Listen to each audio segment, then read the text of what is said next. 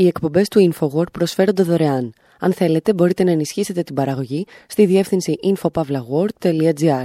Η διεύθυνση infopavlagor.gr. Η εκπομπή InfoWord με τον Άρη Χατζηστεφάνου.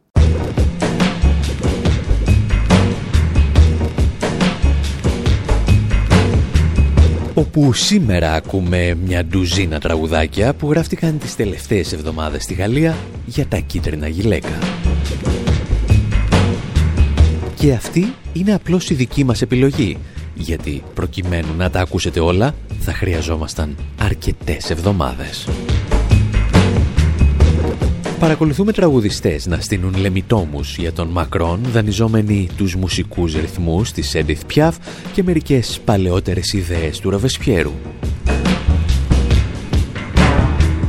Βλέπουμε τη hip-hop σκηνή της Γαλλίας να κατεβαίνει στα οδοφράγματα με δεκάδες τραγούδια, αρκετά από τα οποία γίνονται αμέσως viral.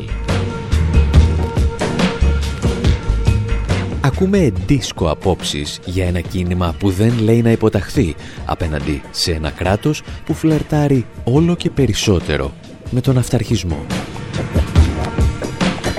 Και ξεκινάμε με το τραγούδι που καθώς μιλάμε έχει ξεπεράσει τα 17 εκατομμύρια χτυπήματα στο YouTube.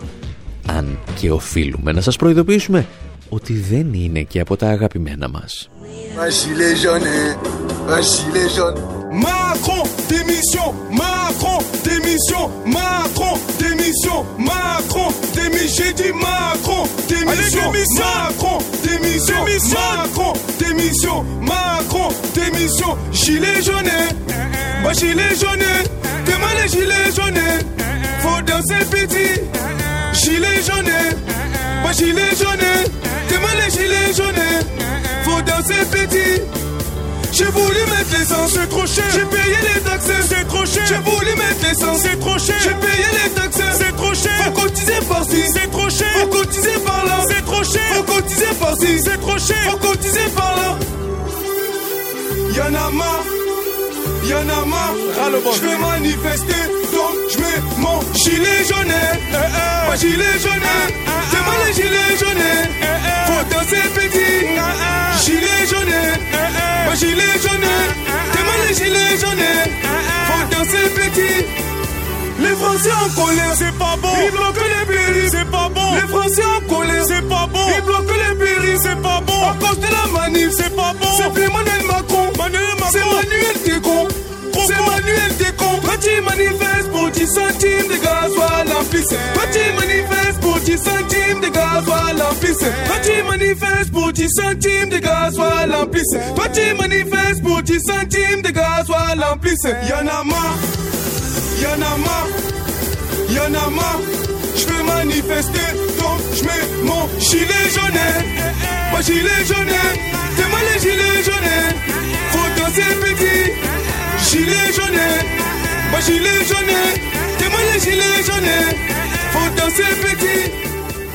Ο Κοπ Τζόνσον είναι ένας ράπερ από την Τουλούζη, τον οποίο, όπως λέει η γνωστή φράση, δεν τον ήξερε ούτε η μάνα του. Και αν αυτό δεν αποτελεί κυριολεξία, είναι πολύ πιθανό να μην ήξερε η μάνα του ότι τραγουδάει. Σήμερα πάντως αποτελεί τον απόλυτο αστέρα του γαλλόφωνου YouTube με αυτό το τραγούδι το οποίο εμπνεύστηκε μέσα στο φορτηγάκι που οδηγούσε. Ο Τζόνσον βρέθηκε αποκλεισμένος για μερικές ώρες σε κάποιο από τα μπλόκα που έστειναν τα κίτρινα γυλαίκα και άρχισε να γράφει στιχάκια για όσα έβλεπε γύρω του. Μόλις άνοιξε ο δρόμος, αντί να επιστρέψει στη δουλειά του, πήγε σε ένα στούντιο με το οποίο συνεργάζεται και αυτό είναι το αποτέλεσμα.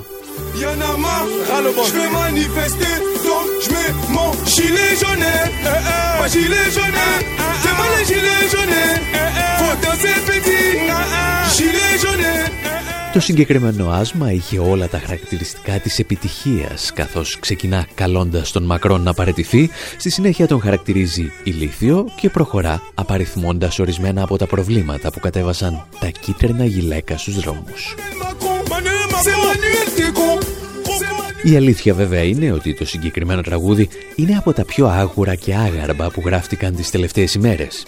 Γιατί στη μάχη μπήκαν από πολύ νωρίς και πολύ πιο γνωστοί ράπερ, όπως ο Μεσιέ Φάμπρ που τραγουδά το μπλοκάζ.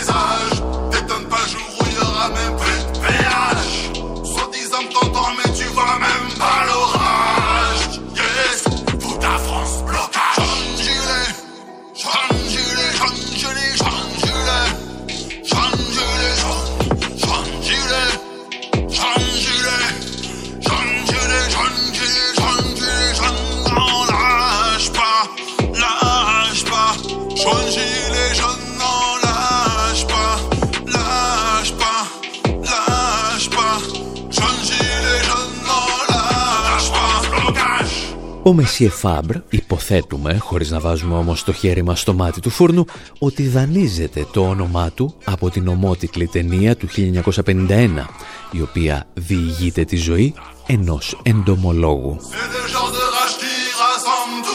Στο τραγούδι του πάντως, ο Μεσιε Φάμπρ ασχολείται αποκλειστικά με το κλείσιμο των δρόμων από τα κίτρινα γυλαίκα και την φορολογική πολιτική του Μακρόν απέναντι στους φτωχούς. Προσποιήστε, λέει, ότι ακούτε τα αιτήματά μας, αλλά στην πραγματικότητα δεν έχετε καταλάβει τίποτα από τη θύελα που έρχεται. Αν συνεχίσουμε, καταλήγει, ο Μακρόν θα είναι σύντομα παρελθόν.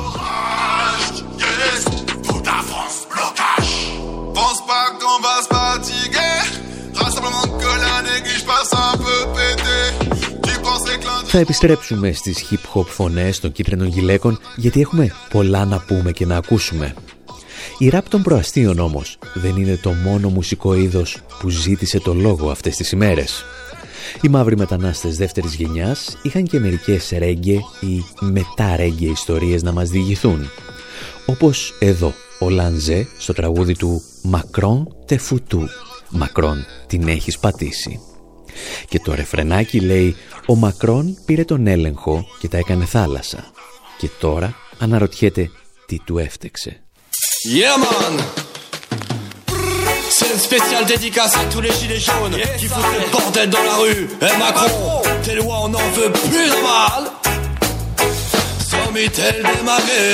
Ouais, c'est Macron qui a pris les commandes. Une fois de plus, c'est le peuple qui est mis à l'amende. Ouais, c'est Macron qui a pris les commandes. Il fout le bordel partout et après il se demande. Ouais, c'est Macron qui a pris les commandes. Une fois de plus, c'est le peuple qui est mis à l'amende. Ouais, c'est Macron qui a pris les commandes. Ils nous ont oubliés, ils sont même prêts à nous prendre. Ouais, Macron, t'es foutu, les gilets jaunes sont dans la rue. Les gens en ont assez de tes on n'en veut plus. C'est tout pour les riches, rien pour les dépourvus. Tu nous prends pour des cons avec ton système corrompu. Ouais, t'étonnes pas qu'aujourd'hui sur toi le tonnerre gronde. Je t'envoie une cachette lyricale qui fait l'effet d'une bombe. On lâchera pas l'affaire, on lâchera pas l'affaire. On lâchera pas l'affaire jusqu'à ce que tu tombes. Ouais, c'est Macron qui a pris les commandes. Une fois de plus, c'est le peuple qui est mis à l'amende. Ouais, c'est Macron qui a pris les commandes. Il fout le bordel partout et après il se demande. Ouais, c'est Macron qui a pris les commandes. Une fois de plus, c'est le peuple qui est mis à l'amende. Ouais, c'est Macron qui a pris les commandes. Il fout le bordel partout, il fout le bordel partout. Hey le monde va mal et c'est pas prêt de changer. Quoi qu'on dise qu'on fasse, rien ne semble les arrêter. On se mobilise, on se rassemble, mais rien ne va bouger, man. Non, rien ne va bouger, ouais, c'est pire en pire, forcé de le constater. Tous ces politiques sont des pantins assoiffés de monnaie. Ils en ont rien à foutre, man de notre réalité. Sont déconnectés, ouais. Ouais, c'est Macron qui a pris les commandes. Une fois de plus, c'est le peuple qui est mis à l'amende. Ouais, c'est Macron qui a pris les commandes. Il faut le bordel partout et après il se demande. Ouais, c'est Macron qui a pris les commandes. Une fois de plus, c'est le peuple qui est mis à l'amende. Ouais, c'est Macron qui a pris les commandes. Ouais, c'est Macron. On vit tous à peu près les mêmes situations. Ils nous prennent vraiment pour des moutons. On galère avec des miettes pendant que brassent des millions. Ils en rajoutent tous les jours une couche pour faire monter la pression. On reste chacun dans notre... Αρκετά μακριά από τη Ρέγγε, ο Χαλέντ Φρέκ, που ειδικεύεται σε remix τραγουδιών, θα δημιουργήσει το Gillette Zone Dancing. Θα δανειστεί μάλιστα δηλώσεις του ίδιου του Γάλλου Προέδρου από το βήμα της Γενικής Συνέλευσης των Ηνωμένων Εθνών, την εποχή που τα έβαζε με τον Ντόναλτ Τραμπ. Ακούμε πρώτα το σχετικό δελτίο ειδήσεων και ύστερα το χορευτικό κομμάτι που γεννήθηκε από αυτές και αφιερώθηκε στα κίτρινα γυλαίκα. Quand ils montent à la tribune des Nations Unies, Emmanuel Macron et Donald Trump le font pour défendre des visions. Όταν ανεβαίνουν στο βήμα του ΟΗΕ, ο Εμμανουέλ Μακρόν και ο Ντόναλτ Τραμπ το κάνουν για να υπερασπιστούν δύο ριζικά αντίθετες απόψεις του κόσμου. Ο Γάλλος Πρόεδρος επικεντρώνει ένα μεγάλο μέρος της ομιλίας του στη μάχη ενάντια στις ανισότητες που κατά τη γνώμη του δεν είναι εφικτή παρά μόνο σε συνθήκες πολυμερούς πολιτικής και όχι απομονωτισμού. Αφήνοντας στην άκρη τις σημειώσεις του, ο Μακρόν επιτίθεται ευθέως στη στρατηγική του Ντόναλτ Τραμπ.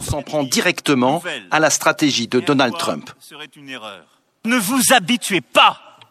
N'acceptons pas μην εξοικειώνεστε με αυτό. Να μην δεχτούμε όλες αυτές τις μορφές μονομερούς πρακτικής. Κάθε μέρα που περνά, ενώ βρισκόμαστε διασπαρμένοι, προδίδουμε την ιστορία μας. Εγώ δεν θα εξοικειώθω με αυτό. Σας το λέω λοιπόν ξεκάθαρα. Ο αιώνας που ξεκινά μας κοιτάζει και τα παιδιά μας μας περιμένουν. Α λύσουμε την κρίση.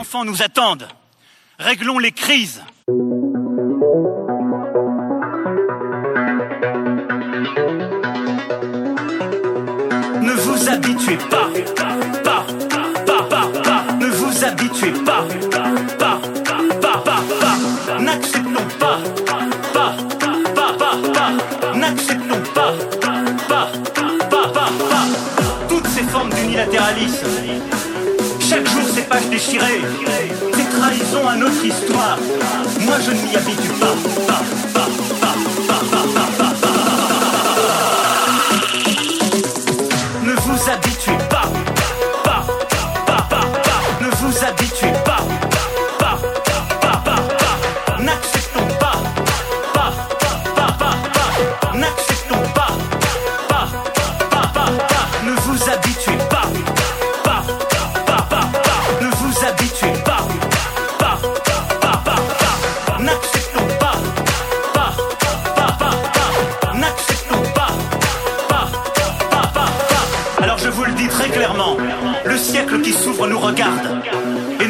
nous attend.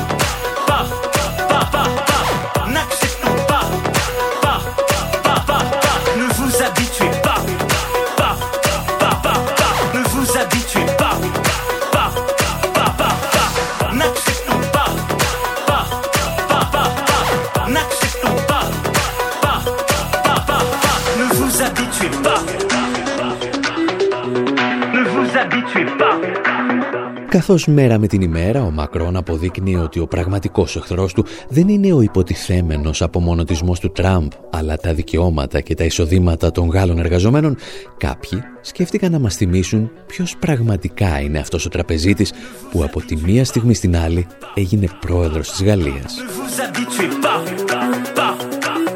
Ο Ζωναν Τρέ, λόγου χάρη, μας επιστρέφει μουσικά στη δεκαετία του 80 και την δίσκο μουσική υποστηρίζοντας ότι ο Μακρόν είναι μια σαπουνόφουσκα που θα σκάσει από στιγμή σε στιγμή.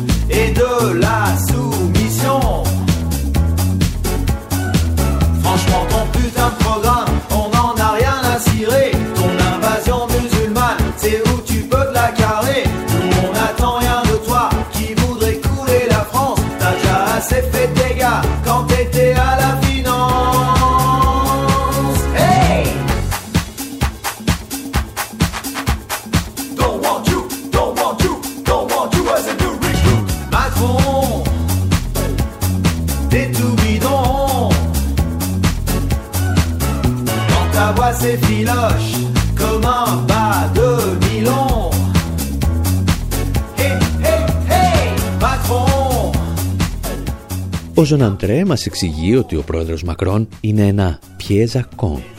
Πρόκειται για στρατιωτική ορολογία που ουσιαστικά σημαίνει παγίδα για ηλίθιους. Ο όρος έγινε ευρύτερα γνωστός το Μάη του 68 και συνήθως χρησιμοποιείται για τις εκλογικές παγίδες, στις οποίες πέφτουν διάφοροι αφελείς και μη. Το πιο ενδιαφέρον μέρος του τραγουδιού όμως είναι το ρεφρέν που εξηγεί ότι ο σημερινός πρόεδρος της Γαλλικής Δημοκρατίας δεν είναι παρά μία μαριονέτα στα χέρια ισχυρών οικονομικών παραγόντων της χώρας και κυρίως των τραπεζών από τις οποίες προέρχεται και ο ίδιος. Και ο μόνος λόγος για τον οποίο κατάφερε λέει να επιβιώσει είναι η στήριξη που λαμβάνει από τα μέσα ενημέρωσης και από συγκεκριμένους εκδότες. Ουσιαστικά είναι η δίσκο εκδοχή μιας ανάλυσης για τη δημιουργία του φαινομένου Μακρόν που είχαμε φιλοξενήσει και στη σελίδα μας info.pavlaword.gr Ένα εξαιρετικό κείμενο του Νίκους Σμυρνέου με τίτλο «Πώς τα μέσα ενημέρωσης έστησαν το φαινόμενο Μακρόν».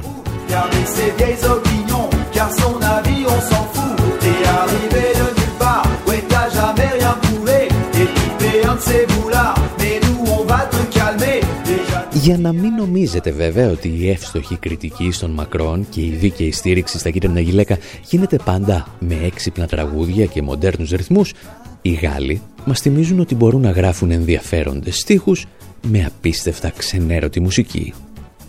Όπως εδώ, ο Μεσιέ Σεμπί δίνει ένα ρεσιτάλ βαρεμάρας.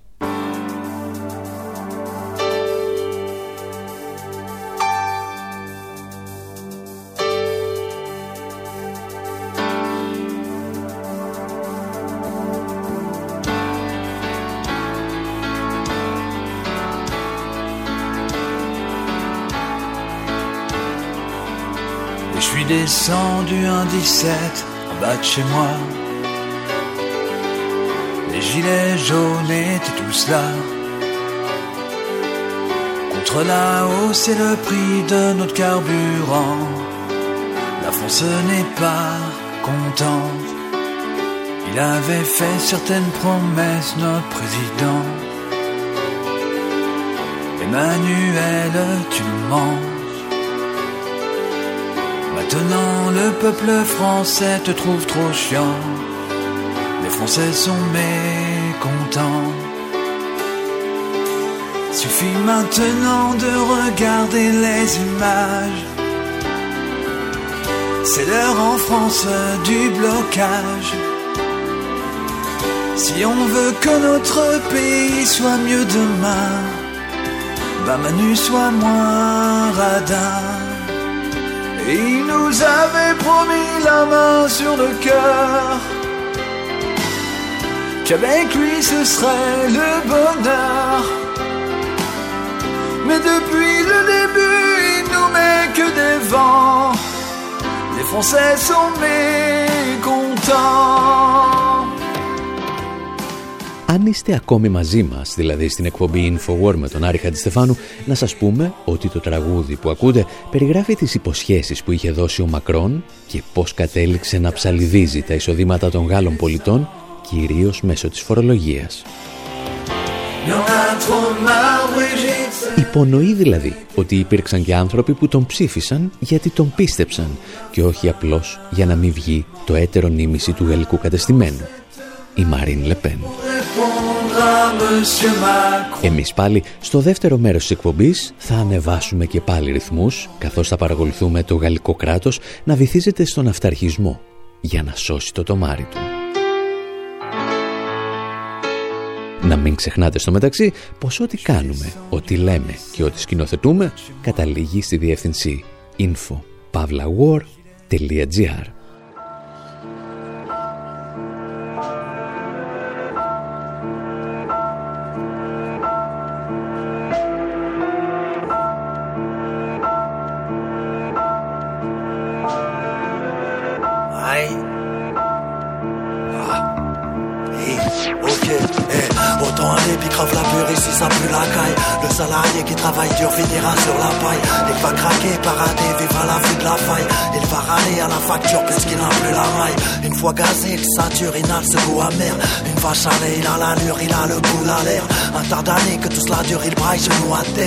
guerre, ses raclures ne se privent pas de nous la faire. J'appelle pas ça des CRS abusifs, c'est des bites. Le pauvre gars que l'on délaisse à l'usine est sceptique. Mais comment il y ramasse un abruti chef d'équipe? Je vois le pays qui s'embrasse, Manu qui fait des tweets. Brûler tout, vous ne croyez plus au présent. On les fout avec ou sans vos gilets fluorescents. Ma gamberge au chromie, ça fait office de flamme. Je l'emmerde gros, lui ça pédophile de vin. Réalise, les.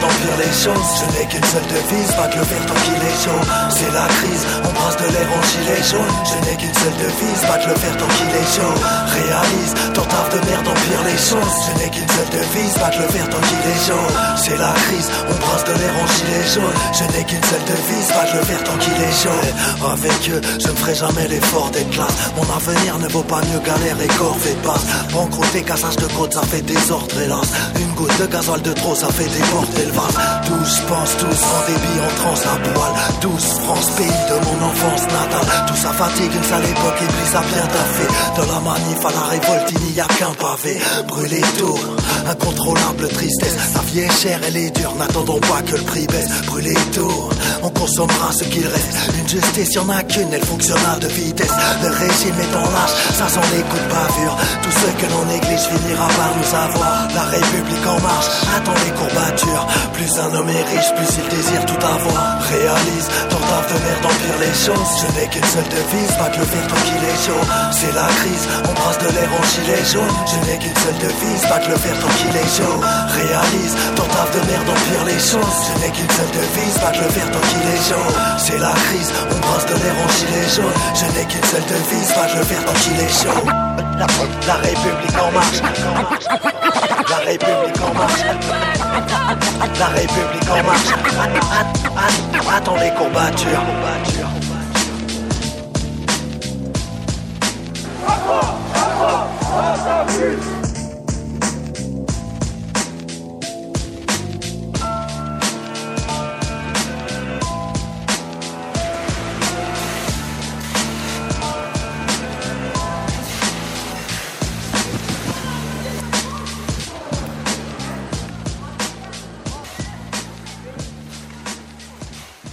Οι εκπομπές του InfoWord προσφέρονται δωρεάν. Αν θέλετε, μπορείτε να ενισχύσετε την παραγωγή στη διεύθυνση infopavlagor.gr.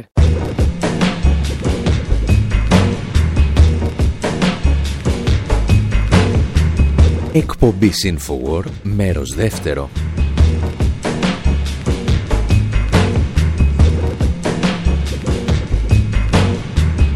Όπου ακούμε μερικά μόνο από τα δεκάδες τραγούδια που γράφτηκαν τις τελευταίες ημέρες για τα κίτρινα γυλαίκα και την καθημερινή μάχη που δίνουν με έναν τραπεζίτη που κάποια μέσα ενημέρωσης αποφάσισαν να πλασάρουν σαν πρόεδρο και σαν μοναδική απάντηση στην άνοδο της Μαρίν Λεπέν.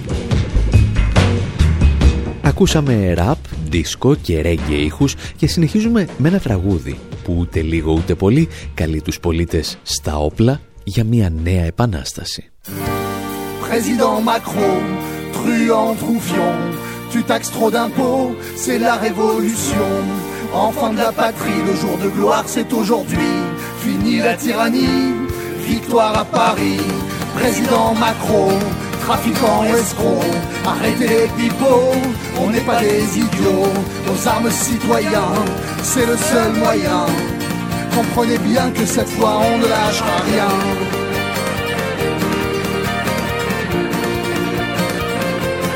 Toi le salarié, l'agriculteur, le retraité, l'entrepreneur, écolier, chauffeur, livreur, ton père, ta mère, tes frères et sœurs, sortez les gilets contre ce gouvernement. Montrons qui on est, ça ne sera plus comme avant.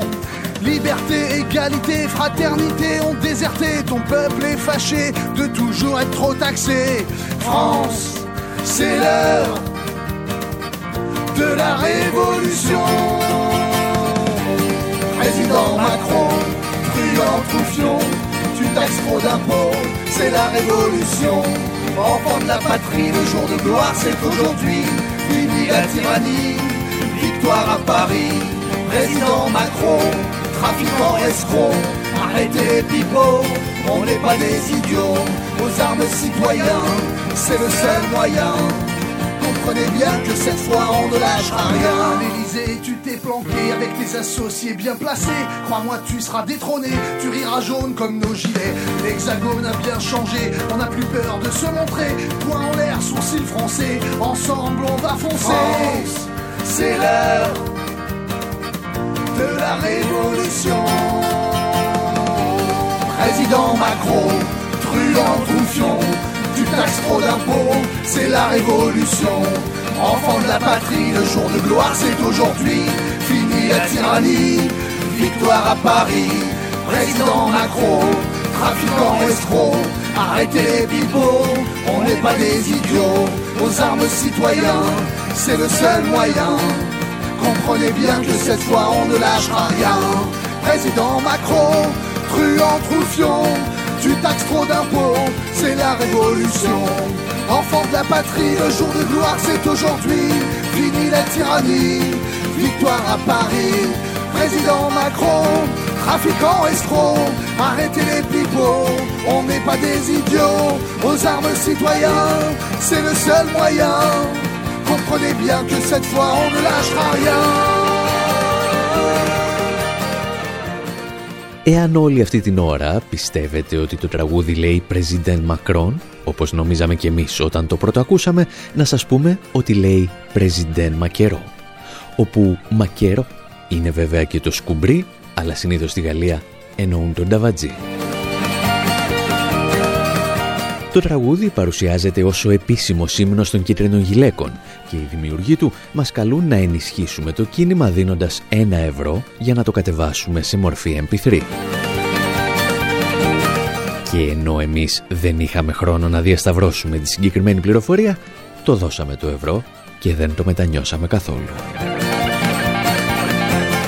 Οι δημιουργοί του τραγουδιού απευθύνονται στον ίδιο τον πρόεδρο της Γαλλίας που κρύβεται όπως λένε στο προεδρικό μέγαρο και του υπόσχονται ότι σε πολύ σύντομο διάστημα θα τον έχουν εκθρονήσει.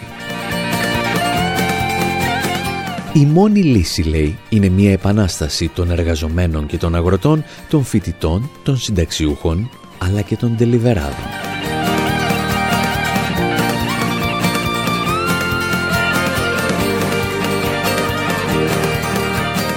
Όπως εξηγούσαν πρόσφατα αρκετοί μουσικοκριτικοί που παρακολούθησαν την καλλιτεχνική έκρηξη που ακολούθησε το κίνημα των κίτρινων γυλαίκων, οι πρώτες δημιουργίες ήρθαν από το χώρο της ραπ και της ευρύτερης hip-hop κουλτούρας. Και εδώ σημείωνε ο Όλι Χέινς που παρακολούθησε αυτό το μουσικό ξέσπασμα παρατηρήθηκε και μια σημαντική στιχουργική αλλαγή.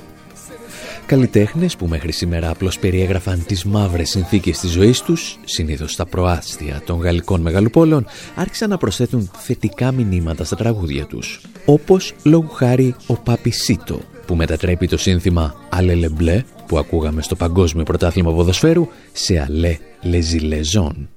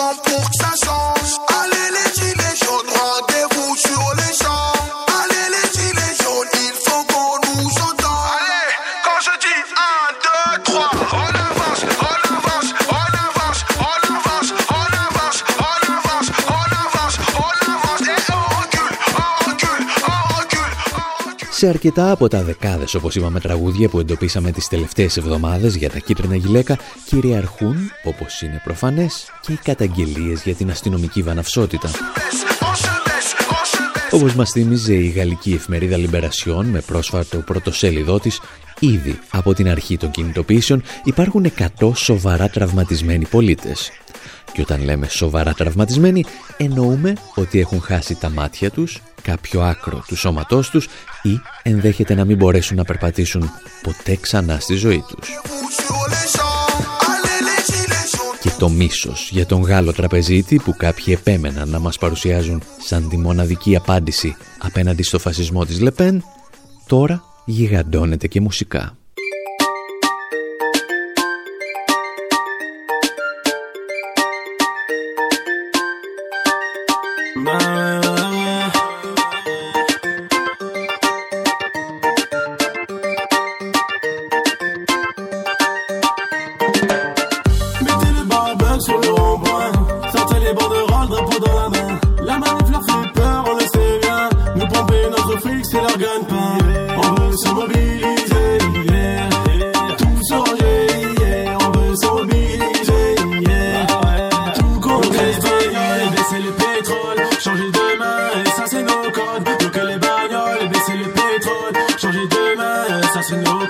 que les bagnoles et baisser le pétrole, changer de main, et ça c'est nos codes. Faut que les bagnoles et baisser le pétrole, changer de main, et ça c'est nos codes. Ah, gilet jaune, gilet jaune, y'a gilet jaune, gilet jaune, sortez le gilet jaune, gilet jaune, y'a gilet jaune, gilet jaune, et un gilet jaune, gilet jaune, ah, gilet jaune, gilet jaune, sortez les gilets jaunes, gilet jaune, ah, gilet jaune.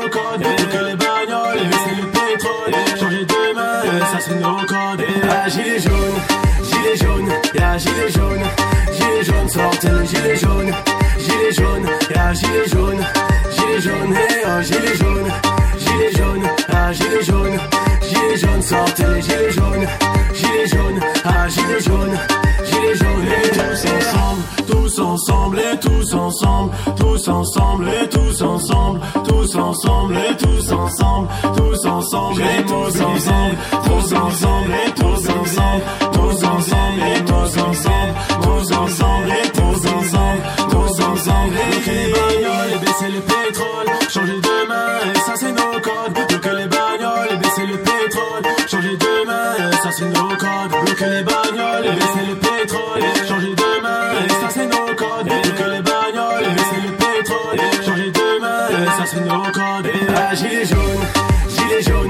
y'a gilet jaune, gilet jaune, sortez les gilets jaunes, gilet jaune, y'a gilet jaune. Στην εκπομπή Infowar με τον Άρη Χατζηστεφάνου ακούμε τραγούδια που γράφτηκαν τις προηγούμενες ημέρες ή εβδομάδες για τα κίτρινα γυλαίκα. Ah, gilet jaune, Συζητήσαμε για τους νεκρούς αλλά και τους εκατοντάδες τραυματίες, εκατό από τους οποίους σε ιδιαίτερα σοβαρή κατάσταση από τις επιθέσεις της αστυνομίας. Η δεύτερη σημαντικότερη εξέλιξη όμως που σχετίζεται με την αστυνομία είναι το πώς το καθεστώς Μακρόν χρησιμοποιεί το νέο νομικό οπλοστάσιο που απέκτησε απέναντι στους διαδηλωτές. Όπως ίσως να διαβάσατε και στο Infowar, δικαστήριο της πόλης Ναρμπόν έστειλε έναν πολίτη στη φυλακή για έξι μήνες για μία ανάρτησή του στο Facebook. Το αμάρτημά του ήταν ότι καλούσε τα κίτρινα γυλαίκα να προχωρήσουν σε αποκλεισμό των διελιστηρίων στην περιοχή Port La Nouvelle. Η εισαγγελέας είχε αρχικά προτείνει ακόμη πιο σκληρή ποινή με διετή φυλάκιση χωρίς αναστολή και απαγόρευση συμμετοχής σε δημόσιες διαμαρτυρίες για τρία χρόνια. Τελικά όμως την απέσυρε παραδεχόμενη ότι ο κατηγορούμενος δεν είχε συμμετάσχει ποτέ σε πράξεις βίας και του έδωσε μόνο έξι μήνες χωρίς αναστολή.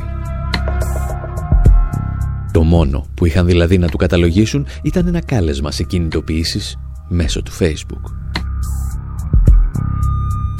Η καταπάτηση βέβαια θεμελιωδών δικαιωμάτων στη Γαλλία δεν ξεκίνησε με αφορμή τα κίτρινα γυλαίκα. Για την ακρίβεια ξεκίνησε για να προλάβει φαινόμενα όπως αυτά των κίτρινων γυλαίκων που θα απειλούσαν το πολιτικό και οικονομικό κατεστημένο της Γαλλίας. Και αν θυμάστε, το Infowar είχε ταξιδέψει μέχρι το Παρίσι για να δει πως η κατάσταση έκτακτης ανάγκης που είχε επιβληθεί με αφορμή τις τρομοκρατικές επιθέσεις μετατρεπόταν σε ένα εργαλείο για τον έλεγχο του πληθυσμού.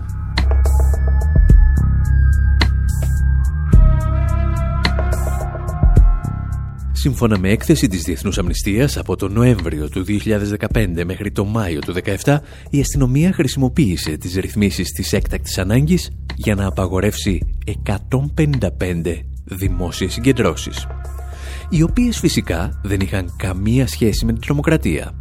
Οι περισσότερες αφορούσαν τα εργασιακά δικαιώματα. Για να καταλάβω τι ακριβώς είχε συμβεί, σκέφτηκα να ζητήσω τη βοήθεια της Dominique Curie, επικεφαλής του Τμήματος Ανθρωπίνων Δικαιωμάτων της Διεθνούς Αμνηστίας στο Παρίσι. L'état d'urgence qui a été instauré en France après les, les attentats de novembre 2015 Η κατάσταση έκτακτης ανάγκης που επιβλήθηκε στη Γαλλία μετά τις επιθέσεις του Νοεμβρίου του 2015 επέτρεπε στις αρχές να διώκουν πολίτες, να τους επιβάλλουν κατοίκον περιορισμό, ακόμη και το κλείσιμο χώρων πολιτισμού. Αυτό που ερευνήσαμε δεν ήταν τα μέτρα καθ' αυτά, αλλά οι εγγυήσεις για την εφαρμογή τους. Ήταν μέτρα που λαμβάνονταν με υπουργική απόφαση, χωρίς να ελέγχεται το γιατί και το πώς, ποια ήταν η ανάγκη και ποια η αναλογικότητά τους.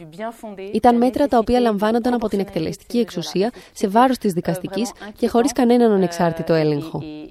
Άνθρωποι διώκονταν μέσα στη νύχτα με αόριστες κατηγορίες. Μπορούσαν να συλλάβουν κάποιον λέγοντας ότι αποτελούσε απειλή για την εθνική ασφάλεια χωρίς να στηρίζονται σε κάποια νομοθεσία. Ήταν επικίνδυνο και δυστυχώς οι ανησυχίες μας επιβεβαιώθηκαν. C'était dangereux et nos craintes se sont confirmées malheureusement. Οι σκηνές που καταγράφει η έκθεση της Διεθνούς Αμνηστίας θυμίζουν έφοδο Αμερικανικών δυνάμεων σε σπίτια στη Βαγδάτη.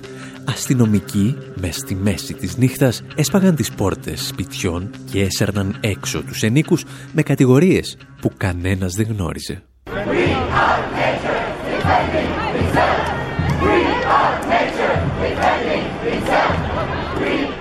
πιο κραυγαλαία χρήση των νέων ρυθμίσεων πάντως δεν έγινε νύχτα, αλλά με το φως της ημέρας. Λίγο πριν ξεκινήσει η περίφημη διάσκεψη του Παρισιού για το κλίμα. Η συμμετοχή σε συγκεντρώσεις διαμαρτυρίας απαγορεύτηκε ολοκληρωτικά και όσοι παρενέβαιναν τον νόμο θα μπορούσαν να περάσουν ένα χρόνο στη φυλακή. Τα εξηγούσε τότε ένας αυτόπτης μάρτυρας με βίντεο που ανέβαζε στο YouTube. We are already seeing hundreds of riot police mobilized all Βλέπουμε ήδη εκατοντάδες μέλη των ειδικών δυνάμεων της αστυνομίας να αναπτύσσονται σε ολόκληρο το Παρίσι. Το κράτος έχει απαγορεύσει αυτές τις συγκεντρώσεις και όποιος συλληφθεί να διαδηλώνει απειλείται με ένα χρόνο φυλάκισης. people are facing one year in jail if they are caught here today protesting.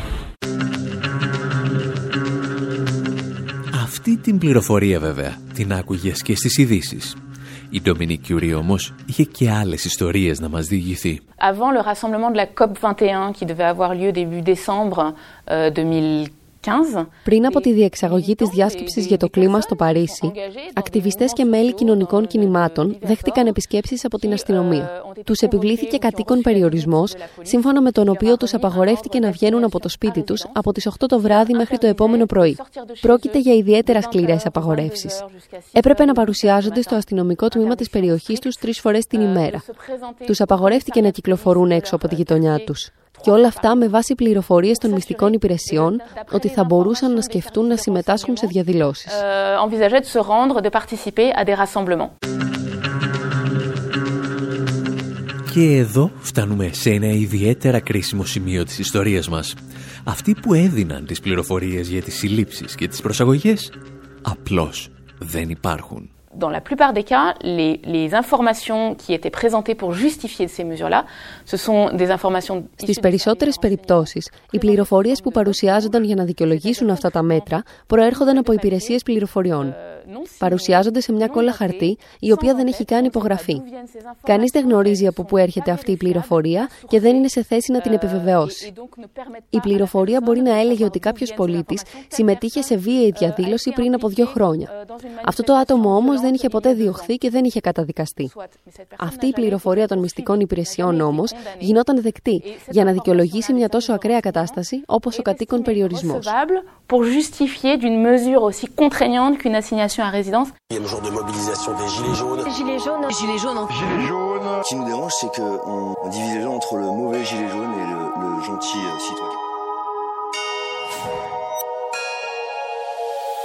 Vous, êtes des sales menteurs, vous ne faites pas dans le social, vous avez bloqué l'ascenseur. Normal que l'on n'ait pas le moral, bah ouais, ça vous n'en avez pas. C'est pas qu'une question de gasoil, on ne vit pas que des aléas. Il est temps de vous ôter le voile. Vous nous taxez plus que ce que l'on gagne, la paix aux oubliettes. Si vous pouviez, vous prendriez notre âme aussi tant que vous y êtes. On travaille plus pour gagner moins, le changement c'est pas maintenant. Le SMIC n'a pas bougé de son coin, mais tout augmente, c'est indécent, intéressante. Votre gestion des retraites, le dossier expire bientôt, hein, donc pas besoin qu'on le traite. Ça parle de l'amour du pays. Que faites-vous pour nous rassembler Des fausses réformes vides, un peu comme les sièges de l'Assemblée. Laisse-moi mettre mon gilet jaune. Laisse-moi mettre mon gilet jaune.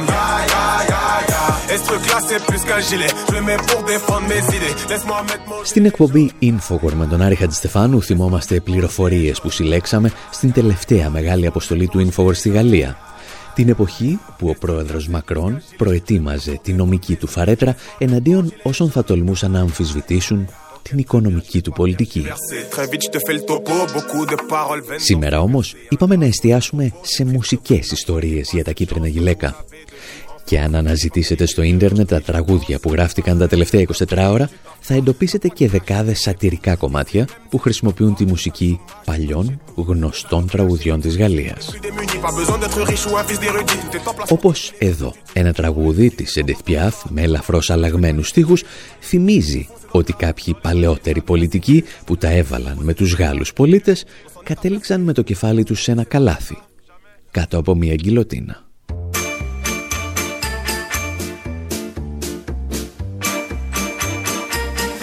Faut lui couper la tête, aurait dit Danton, je crois. Si j'ai bien compris le concept, La révolution, c'est ça. Il se fout de la gueule du monde. Il agit comme un roi. Liquider la France profonde. C'est mettre l'homme il a pour ça. Taxe impôt, on a les deux. Rien pour nous et tout pour eux. Rime et bosse pauvre gueux. T'es pas là pour être heureux, il veut qu'on sauve la planète. Ο τροβαδούρος της ιστορίας μας διηγείται την ιστορία ενός ηγέτη, ο οποίος είχε ταράξει τους πολίτες τους φόρους και έδινε όλα τα χρήματα στους αυλικούς του. Και αν έχω καταλάβει καλά το νόημα της Γαλλικής Επανάστασης, λέει, ήρθε κάποιος Νταντών και ένας Ροβεσπιέρος και είπαν ότι πρέπει να του κόψουμε το κεφάλι. Για την ιστορία, όπως είπαμε, το πρωτότυπο τραγούδι ανήκει στην Edith Piaf και σε αυτό δεν πέφτει ούτε ένα κεφάλι.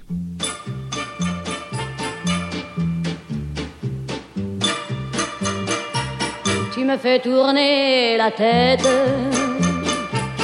Mon manège à moi c'est toi Je suis toujours à la fête quand tu me tiens dans tes bras. Je ferai le tour du monde. Ça ne tournerait pas plus que ça. La terre n'est pas assez ronde pour m'étourdir autant que toi. Parce qu'on est bien tous les deux quand on est ensemble deux. Quelle vie on a tous les deux. Κάπου εδώ όμως λέμε να σας αφήσουμε και για αυτή την εβδομάδα. Είναι μάλλον βέβαιο ότι θα επιστρέψουμε κάποια στιγμή στα κίτρινα γυλαίκα με λιγότερη μουσική και περισσότερα λόγια. Μέχρι τότε όμως θα βρείτε τα περισσότερα λόγια στη διεύθυνσή μας info.pavlawar.gr Μέχρι την επόμενη εβδομάδα, από τον Άρη Χατζηστεφάνου στο μικρόφωνο και τον Δημήτρη Σαθόπουλο στην τεχνική επιμέλεια, γεια σας και χαρά σας. Il y a quelqu'un faire tant de mystère, mais pour nous, il n'y a pas de problème. Car c'est pour la vie qu'on s'aime.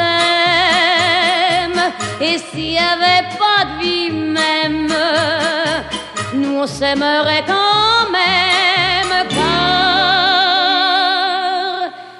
tu me fais tourner la tête. Manège à moi, c'est toi. Je suis toujours à la fête quand tu me tiens dans tes bras. Je ferai le tour du monde, ça ne tournerait pas plus que ça. La terre n'est pas assez ronde pour m'étourdir autant